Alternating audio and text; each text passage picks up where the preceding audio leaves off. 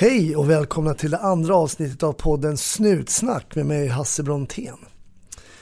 Idag så pratar jag med polisen Micke Riggo som berättar om eh, förvåningen när någon öppnar dörren och det inte riktigt är den personen med den klädseln man tror att det ska vara. Och vikten av att inte göra som personen tjatar om med den där speciella jackan i det här fallet. Var försiktiga där ute och ha en riktigt trevlig lyssning.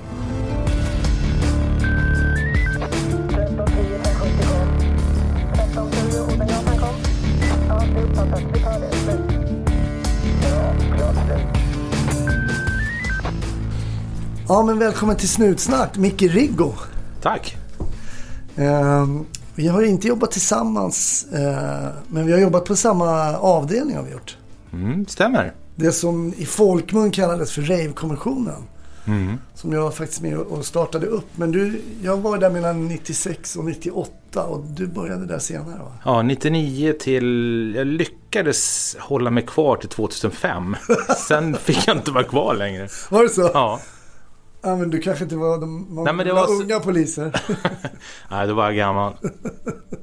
men det var en otroligt rolig eh, eh, plats att jobba på tycker jag. Ja. Ja, otroligt alltså. Det hände ju många sjuka saker. Ja, Faktiskt. jo. ungdomar och narkotika, det kan vara en intressant kombination. Ja. Vad heter det, när började du polisskolan? 90. 1990. Mm. Precis, så jag hade den fina rektorn Göran Lindberg. Ja, det var, honom hade jag också som rektor. Ja, Därför vi blev som vi blev. exakt. Men hade du, hade du planer liksom på att eh, du ville bli polis när du var yngre? Eller? Nej, jag hade inte en plan på att bli... fanns inte i mina tankar. Det var det? Nej, det är liksom inte en chans. Det var, var det något jag inte skulle bli så var det polis. Alltså? Ja. Men Ja, men det, var, det var bara en slump liksom. Jag hade ingen jobb efter eh, gymnasiet. Och gick och liksom bara liksom drog benen efter mig. Och sen så var det faktiskt min morsa som hittade ett jobb på, som civilanställd. På Huddingepolisen. Okej. Så det började där och då fick jag liksom upp ögonen för att det var nog ett jävligt roligt arbete. Jaha, du träffade många poliser Ja. där då? När du, ja. Så jag träffade många poliser. Jag jobbade där som civilanställd ett år. Vad gjorde du då? då? Jag jobbade på beslaget. Jaha, Stöldgods, hittegods och beslagtagna saker. okej. Så det var lite roligt och då jobbade jag tillsammans med, med Åsa Kjellén hette hon då. Okej. Som senare gifte sig med Hans Holmér. Så eh, många historier både från henne och honom faktiskt. Just det, och för er som lyssnar och inte vet vem Hans Holmér var så var ju han den som ledde Palmeutredningen. Exakt. Så det är klart att... Från början. Ja, från början ja. Ja. Och den har väl inte varit någon succé om man rent historiskt för svensk polis kanske. Nej. Ja, men det var då jag fick upp ögonen för att det kan vara jävligt intressant och kul. Hade du några i din släkt eller omgivning som jobbade som poliser? Nej. Nej, Ja. inte. Vad sa morsan då när du sa att jag söker någon polisskola? Hon var glad. Alltså vart då? Ja, Min och son farsan ska, också. Min son ska få en utbildning. typ. Vad är vad det kommer du ifrån för vad jobbade dina föräldrar med och sådär? Eh, morsan jobbade på Astra och farsan på Scania så du kan gissa var jag kommer ifrån. Ja, jag finns på Södertälje. ja, precis. Ja, så det är ja, men arbetarklassfamilj kan man säga det? eller? Ja, det måste man väl säga. Mm. Absolut. Knegare. Knegare, gamla klassiker. Ja. Ja, då gick du 90 då. Du gick till Sörentorp då på skolan där. Superbra ställe. Ja. Ja, det var Faktiskt. trevligt. Ja. Ja, kul. Gillade du eh, polisskolan då? Jag har aldrig gillat att plugga. Nej. Faktiskt. Det var mest en, en, en, en lång eh, väg för att bli klar på något sätt. Ja. Det var ju inte där man lärde sig på något sätt att bli polis. Nej. Grunderna på något sätt och kanske att trivas eller att åtminstone ha uniform på sig. Mm. Men alltså, när man lärde sig saker, det var när man började jobba. Mm. Ja, I uniform. Just det. Ja, väldigt lärorikt. Och Ja. träffa äldre kollegor. Och...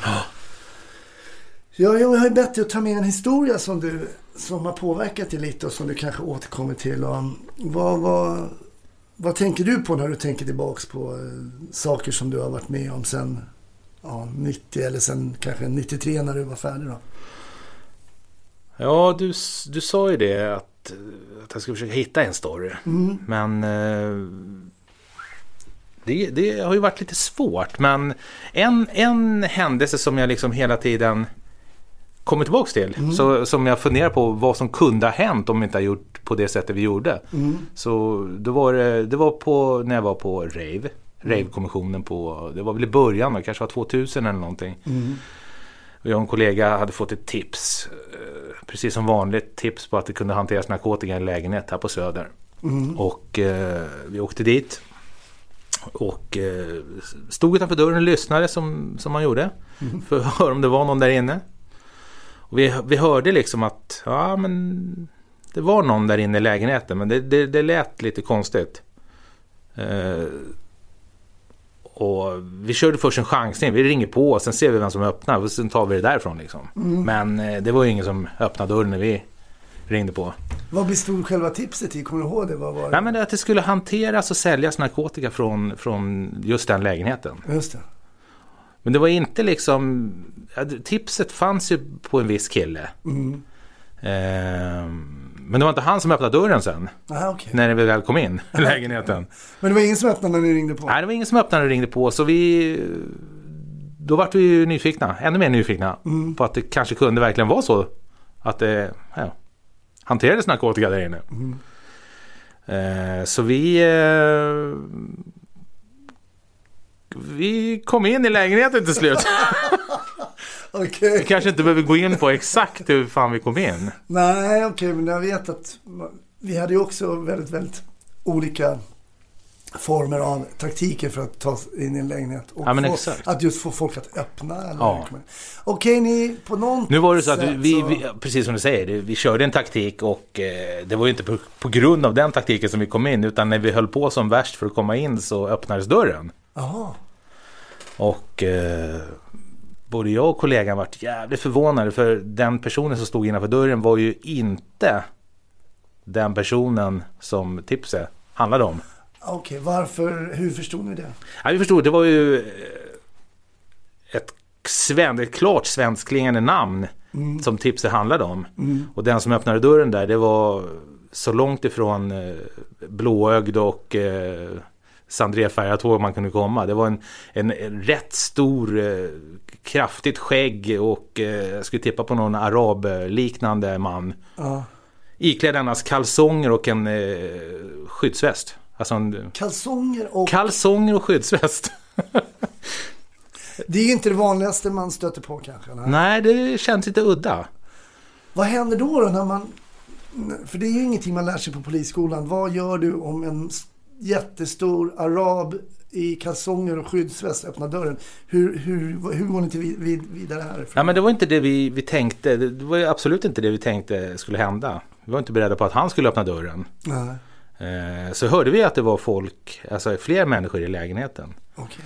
Så vi gick in i, ja vi legitimerade såklart, vi sa att vi var polisen och, och ville liksom kolla vad som hade hänt. Och att vi sökte, ja, den personen vi hade fått tips på. Mm. Och eh, han var ju den här killen som öppnade, han var ju inte speciellt eh, sugen på att vi skulle knata in i lägenheten. Nej, Så han ville liksom, han ville ju mota ut oss därifrån. okej. Men vi gick in ändå.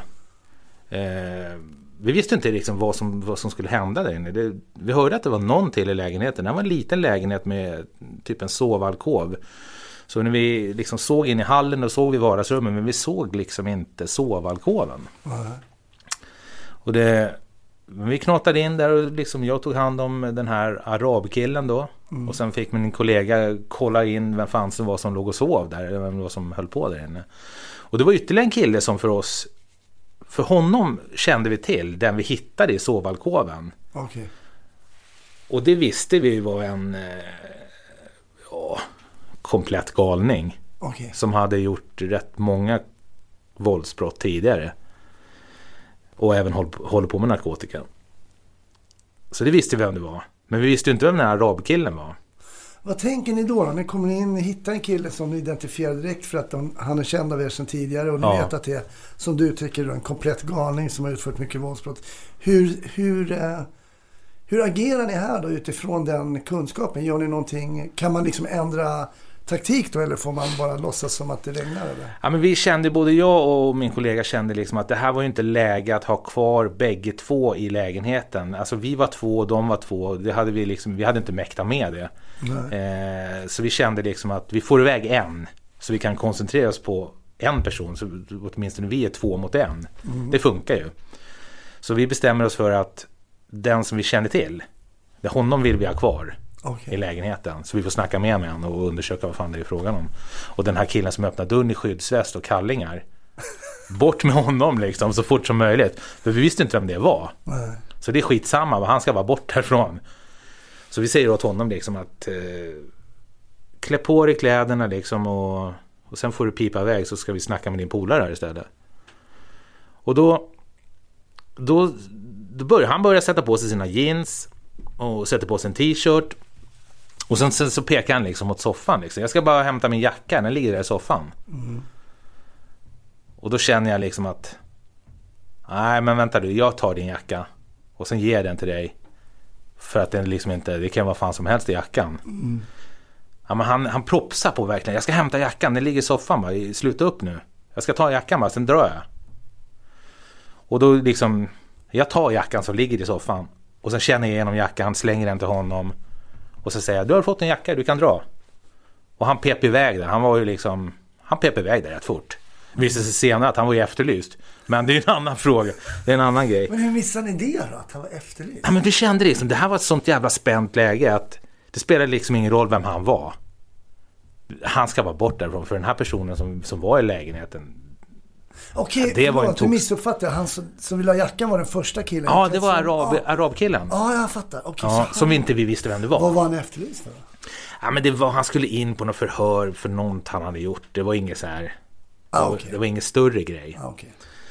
Det är nästan tårta på att släppa en efterlyst va? Ja, det är nästan tårta. Men bara det att när jag och sen tittar i soffan, när vi hade fått iväg den här äh, killen nummer två, han som vi kände till, liksom, han, som, han som var en, eller är en komplett galning.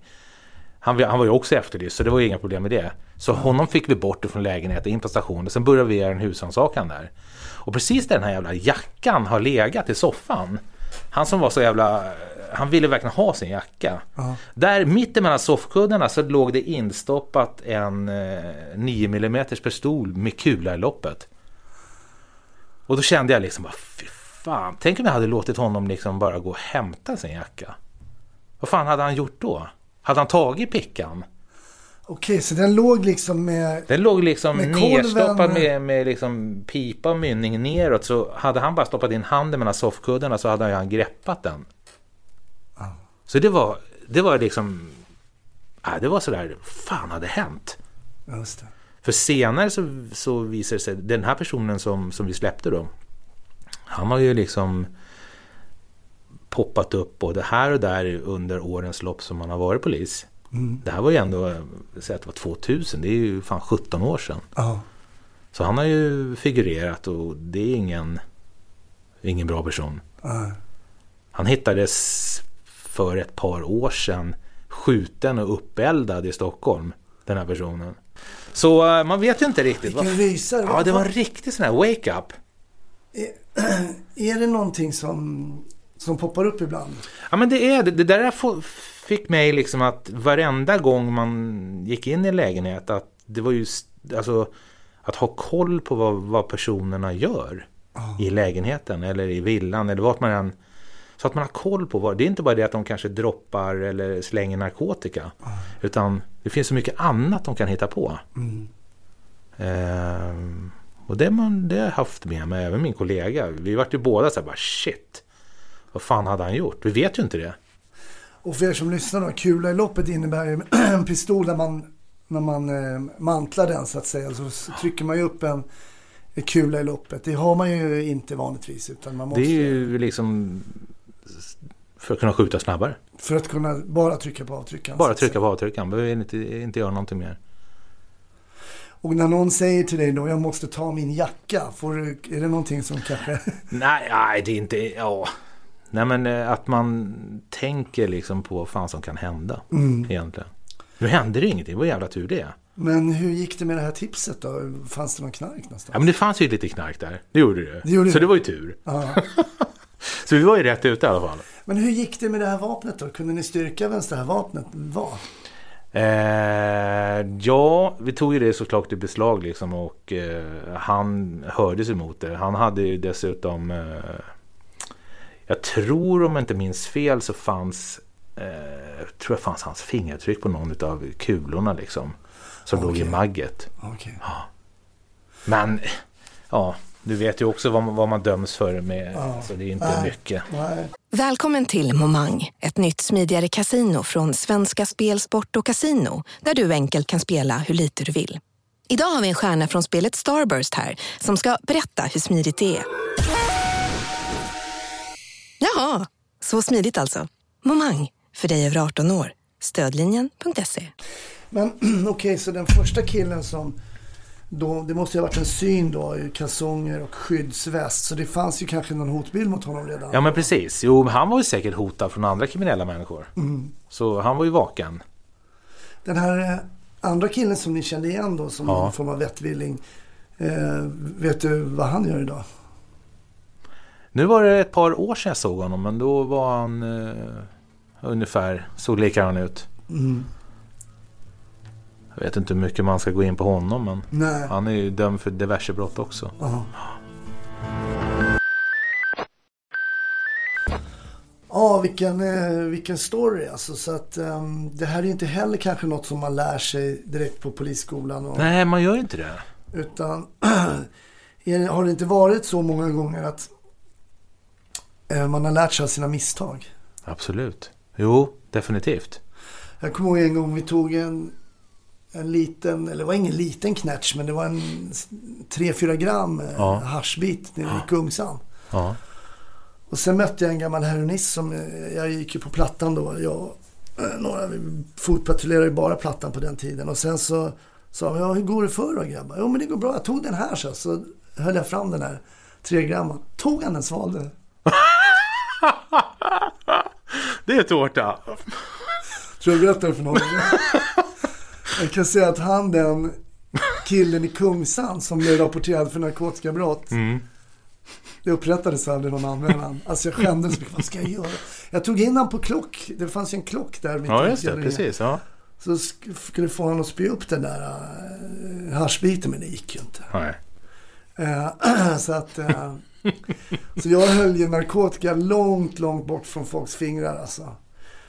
Ja, Han var man som ju... en reptil alltså. Ja, men det har man ju lärt sig att det går så jävla fort. Och han kom ju fram sen och bad om ursäkt. Han bara, för jag träffade ju honom dagligen. Ja. Och alltså jag måste be om ursäkt. Jag vet inte vad som får i mig liksom. Nej, men det har, ju, det har jag också varit med om flera gånger på, på liksom gatan att folk att, att de har, man ser att de har något i handen. Och man liksom kan inte hålla deras händer tillräckligt hårt utan nej, de sväljer det. Sen har jag också varit med om så här det var ju en 10, klassiker. 10-15 gram kokain på en ryamatta. Inte heller en höjdare. Nej. Det är liksom i stort sett borta. Det går inte att få upp Nej. och styrka hur mycket det var. En besudlad ryamatta. Ja, precis. Så att eh, det gäller att ha koll på eh, saker och ting. Ja, definitivt. Det går fort. Ja, det Det lärde man sig ju rätt fort när man började jobba med narkotika. Herregud. Händerna. Händerna, händerna. Ja, folk är fingerfärdiga också. riktigt snabba också. Och ibland upptäcker ju någon annan kollega det man inte har sett själv fast man står med närmast den personen. De är skickliga på att droppa narkotika och liksom göra sig av med narkotika på alla möjliga sätt. Men vad gör du idag? Du har jobbat mycket med narkotika då. Sen eh, 99 du började med... med och det var, Ja. För er som inte känner till det, Rave-kommissionen var, det hette ju egentligen, vad hette roten för... Se- Ja, Sektionen för- ungdomars narkotikamissbruk eller någonting. Ja, just det, precis. Och den, den levde ju vidare rätt länge. Ja, det gjorde det. Ja. Ja. Det var ju bara för att ja, i samband med nya polisorganisationen här. Mm. Då, då la man ner den helt och hållet. Men vad gör du idag? Jag är polis. Ja, det är det. Ja. Ja, men eh, ja, jag sysslar med, eh, jag jobbar som spanare. Ja, det gör det. Ja. Med lite allt möjligt. Mm. Måste man säga. Mm. Narkotika och människohandel och Mm. ja, sådana saker. Gillar du ditt jobb? Ja, men det gör jag. Det, det är helt okej. Visst, det finns ju dagar där det är skittråkigt. Såklart. Ja. Men det är... Men blev det som du hade tänkt dig med när du sökte? Ja. Nej, jag hade nog egentligen inga... Jag hade nog egentligen inga förhoppningar. Det låter ju Nej. skittråkigt men jag visste liksom inte vad som skulle hända. Man har ju fått vara med om så otroligt många konstiga grejer. Mm. Det är ju ett roligt jobb. Man har ju kul på jobbet. Ja, det som jag saknar mest faktiskt. Visst, de här händelserna är ju spännande att uppleva och man har ju många sådana i bagaget också. Men det är ju faktiskt kollegorna. Mm. Eh, Och höra alla, alla stories som berättas. Man tror inte att det är sant vissa grejer. Det är helt Vissa grejer sjukt. tror man inte är sant. Jag vet att en kollega berättade för mig att han hade varit på ett stående dödsfall. Ja. Och tänkte jag, vad menar du? Och det var en kille som hade dött. Stå, han hade dött och sen hade liksom knät låst sig lite. Och så, så, så hade han stått mot en vägg. Så jag har sett polaroidbild. De tog Ja. bild på honom. Och Jag kan säga att det är inte många som har varit på ett stående dödsfall. Nej, alltså. sjukt alltså. Så det finns oerhört mycket sådana eh, historier. Men lärdomen av dig då, om det är någon blivande polis som lyssnar kanske, är att visitationerna är ju oerhört viktiga. Superviktiga. Det kan jag menar, även om man tror att man har känt igenom varenda ficka och varenda vrå på kroppen så kan man ju ha gömt vad fan som helst där. Nej, det är svårt. Ja, det är skitsvårt. Jo, men jag tänkte, jag tänkte höra lite med dig angående mm, snutfilmer. Mm, det blir ju en, ja precis. Kollar du på sånt? Kollar? Ja men det gör man ju. Det är klart, det är ju, produceras ju hur mycket som helst. Både Ja. bra och dåligt. Ja, både bra och Ja. dåligt. Vad är dåligt då? Alltså, dåligt är ju sånt som eh, när det är en svensk produktion när man inte håller sig till eh, hur det funkar i, i, i, i verkligheten. Ja, alltså när man rör sig helt fel i terminologin och alltså det blir fel beslut och då blir det inget bra. Har du något exempel på något sånt? Nej men alltså jag, jag tycker inte om Wallander. Nej. För där blir det konstigheter. Det är poliser som anhåller och du vet det är... Nej, sånt där stör man sig lite på. Ja, just det. Det är Ja. klart. Men däremot, det finns ju en hel del bra grejer också. Mm. Vad, vad tycker du är bra då? Alltså något, något som jag tycker är bra, eller som, som jag kollade på, The Killing Ja, med Joel Kinnaman, ja. bland annat. Mm. Alltså det är bra för det, det, det är en så pass lång story. Det tar lång tid innan man kommer fram till vad som har hänt. Mm. För det är ju, det är ju så det är. Dock inte svenskt. Nej, inte Nej. svenskt. Nej. Tyvärr. Även om han är det såklart. Ja. Så jag, gillar- jag, gillar ju Beck liksom. Det är, men det är ju, ja. Det är, det är mest för Gunvald, jag på säga. ja, men det, det är bra. Varför är det så att även poliser gillar Gunvald? Jag vet inte, det borde man inte göra. Faktiskt. För han är ju ganska skränig och Ja, det är definitivt. Liksom, eh, Ja, inte alltid trevlig. Och. nej. Men kan du se poliser i honom, så att säga, i hans karaktär? Hans, Ja, ja, ja, ja. Absolut. Det har man ju... Ja, jo, men det har man ju sett under årens lopp. ja. Som man, som man kan koppla ihop med, med just den karaktären. Definitivt. Sen är det ju på film så det är ju uppskruvat liksom. ja, men det är klart. Ja. Tänk dig hur, alltså hur jävla tråkigt det skulle vara om de hade filmat en dag när du var på Mm. jobbet. Liksom. Alltså det, ja, det är ju fruktansvärt tråkigt alltså. Att jobba som spanare. Det är mycket vänta. Ja, det har, ska man se till att man har ett bra eh, abonnemang på telefonen.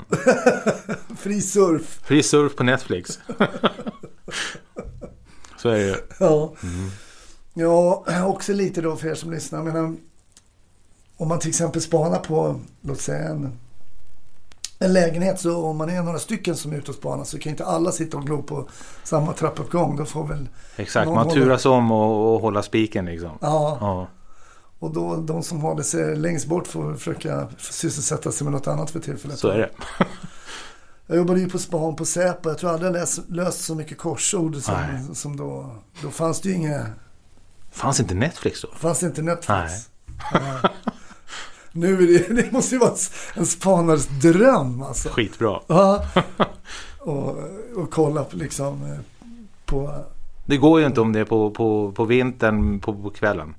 Då, är Nej. ju- då lyser hela bilen upp. Nej, det går inte. Ja. Sommaren är bra. Sommarspan är alltså Ja, bäst. perfekt. Men kommer du att ehm, kommer du pensionera dig som eh, polis tror du? Ja, det tror jag. Jag tror det. Ja. Du Förhoppningsvis om man nu får leva så länge. Ja. Nej, men exakt. Ja. Men det är klart jag, jag skulle kunna tänka mig massor. Det, det är ju så när man har jävligt tråkigt i spanbilen. Det är då man börjar fundera på vad fan ska jag göra? Det här är ju skittråkigt. Mm. Men så händer det något plötsligt. Och så händer det någonting. Då är det lite roligt igen. Vad heter det? Kan du se hur har... Du har ju varit ute och jobbat under hela din polisiära tid egentligen. Ja. va? Vad, mm, kan, du se, har du, kan du se någon förändring liksom bland brottsligheten ute och hur, hur, hur är din bild av idag? Nej, men det, alltså, jag börjar ju tjänstgöra liksom i, i Huddinge. Eller Huddingepolisen hette det då. Vi hade polisstationen mitt i Fittja centrum. Mm. Och det var ju så när man åkte till jobbet där. Det var ju, man ställde sin privata bil på parkeringen i centrum. Över natten när man jobbar liksom. Och det hände ju egentligen väldigt, väldigt, väldigt sällan hände det något med bilen. Och alla visste ju att de bilarna som stod där, ja det var ju poliserna som jobbade. Så det var ju liksom inga konstigheter. Visst det kunde det hända att, att det åkte in en sten genom fikarummets fönster liksom. Men det var ju så, det var så sällan. Så klimatet har ju hårdnat. Något oerhört. Hur menar du att det är idag då? Nej men alltså jag tror ju inte att det finns en chans att man skulle kunna liksom ställa en, en privat bil. Så att säga om polisstationen hade legat kvar i Fittja centrum. Så tror inte jag att man eh, hade gjort det. Den hade nog kanske till och med varit uppeldad. Ja. Jag tror det. Och jag vet inte. Jag vet inte vad fan det är. Men snacket med, mm, när du, sna, när du snackar med folk då? När Ja. du snackar med kriminella, hur, hur går, hur, hur är tugget så att säga ute på? Nej men det är ju, det är ju grövre. Alltså det är ett hårdare klimat. Mm. Där man tidigare kanske nöjde sig med liksom att markera att sticka kniven i någons eh, eh, arsle eller någonting. Nu skjuter man ju personen istället. Och det, är inte, det har ju gått från att liksom sticka kniven i någon för att markera till att kanske skjuta i benet. Och, och nu skjuter man ju liksom för att bara göra slut på personen. Är det, av vilka anledningar gör man det då? Jag kan tänka mig dels så har man har det eskalerat våldet men det är också Jag tänker att om du hugger en kniv i arslet på någon för att markera så finns ju den personen kvar också. Ja. Och för att kunna hämnas mot det. Ja, jo visst, det är klart att det kanske blir att han blir förbannad liksom och ska göra någonting. Mm. Ja, men jag vet inte, där blir vi ett, eh, på något sätt lite hårdare. Och framförallt i, i, jag tror att det har blivit värre runt om i förorterna i Stockholm Mm. faktiskt. Det är ungefär, jag menar, det, är, det ser ju ungefär ut på samma sätt som när man började sin, alltså i början av 90-talet. Jag menar, det såg ju likadant ut i, i Rinkeby och sådär, men det var lugnare på något sätt. Mm. Jag vet inte fan vad som har hänt. Mycket, mycket värre. Mm. Nej men vi kunde ju ställa ön. Vi hade ju många eh, case i Rinkeby där Ja. Vi ställde bilen och Ja. Och där, man kunde ju gå, liksom, gå runt i Rinkeby och Tensta och alla de här ställena liksom, utan att bli påhoppad, alltså ifrågasatt eller... Men om du går in som spanare där nu då? Nej, det är inget bra. Det är inte- Alltså nej. Det, det finns ju liksom till och med vanliga hantverkare om man säger så. Som har liksom blivit påhoppade och misshandlade. För att de har blivit tagna som en spanare. Eller en polis. Just det. För det är väl en... det skulle ju kunna vara en klassisk disguise. Ja men det är det. liksom Liksom, ett- ja. En hammare i sidan. och- Ja. ja. Jaså. ja men det har vi... Ja, där blir vi hårdare. Så det är inte en fördel att vara en vältränad snickare som går med en proteindrink i ena handen och en banan i andra. Precis, och, det och, och ryggsäck med, med sido, eller byxor med sidofickor liksom.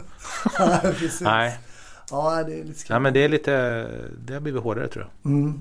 Faktiskt. Det är mycket snack nu man läser i media om poliser och poliser som slutar. Så har du haft kollegor som har slutat? Då? Ja, jag känner till rätt många som har slutat.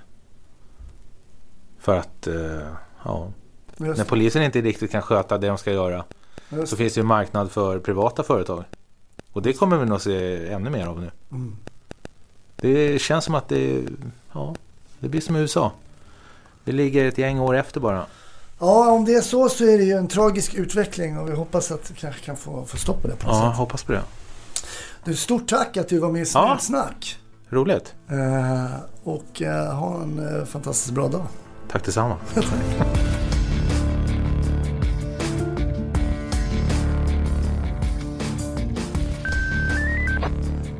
Stort tack för att du lyssnade på Snutsnack. Jag får väl be om ursäkt för en lite extra hes Hasse Brontén under det här avsnittet.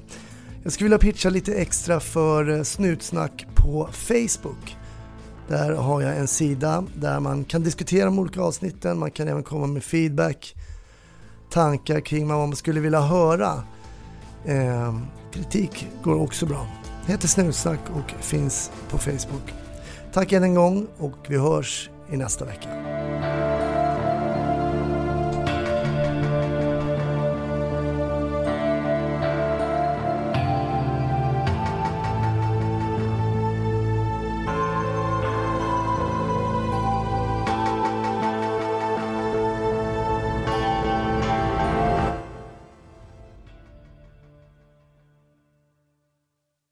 Välkommen till Momang, ett nytt smidigare casino från Svenska Spel, Sport och Casino där du enkelt kan spela hur lite du vill. Idag har vi en stjärna från spelet Starburst här som ska berätta hur smidigt det är. Jaha, så smidigt alltså. Momang, för dig över 18 år. Stödlinjen.se.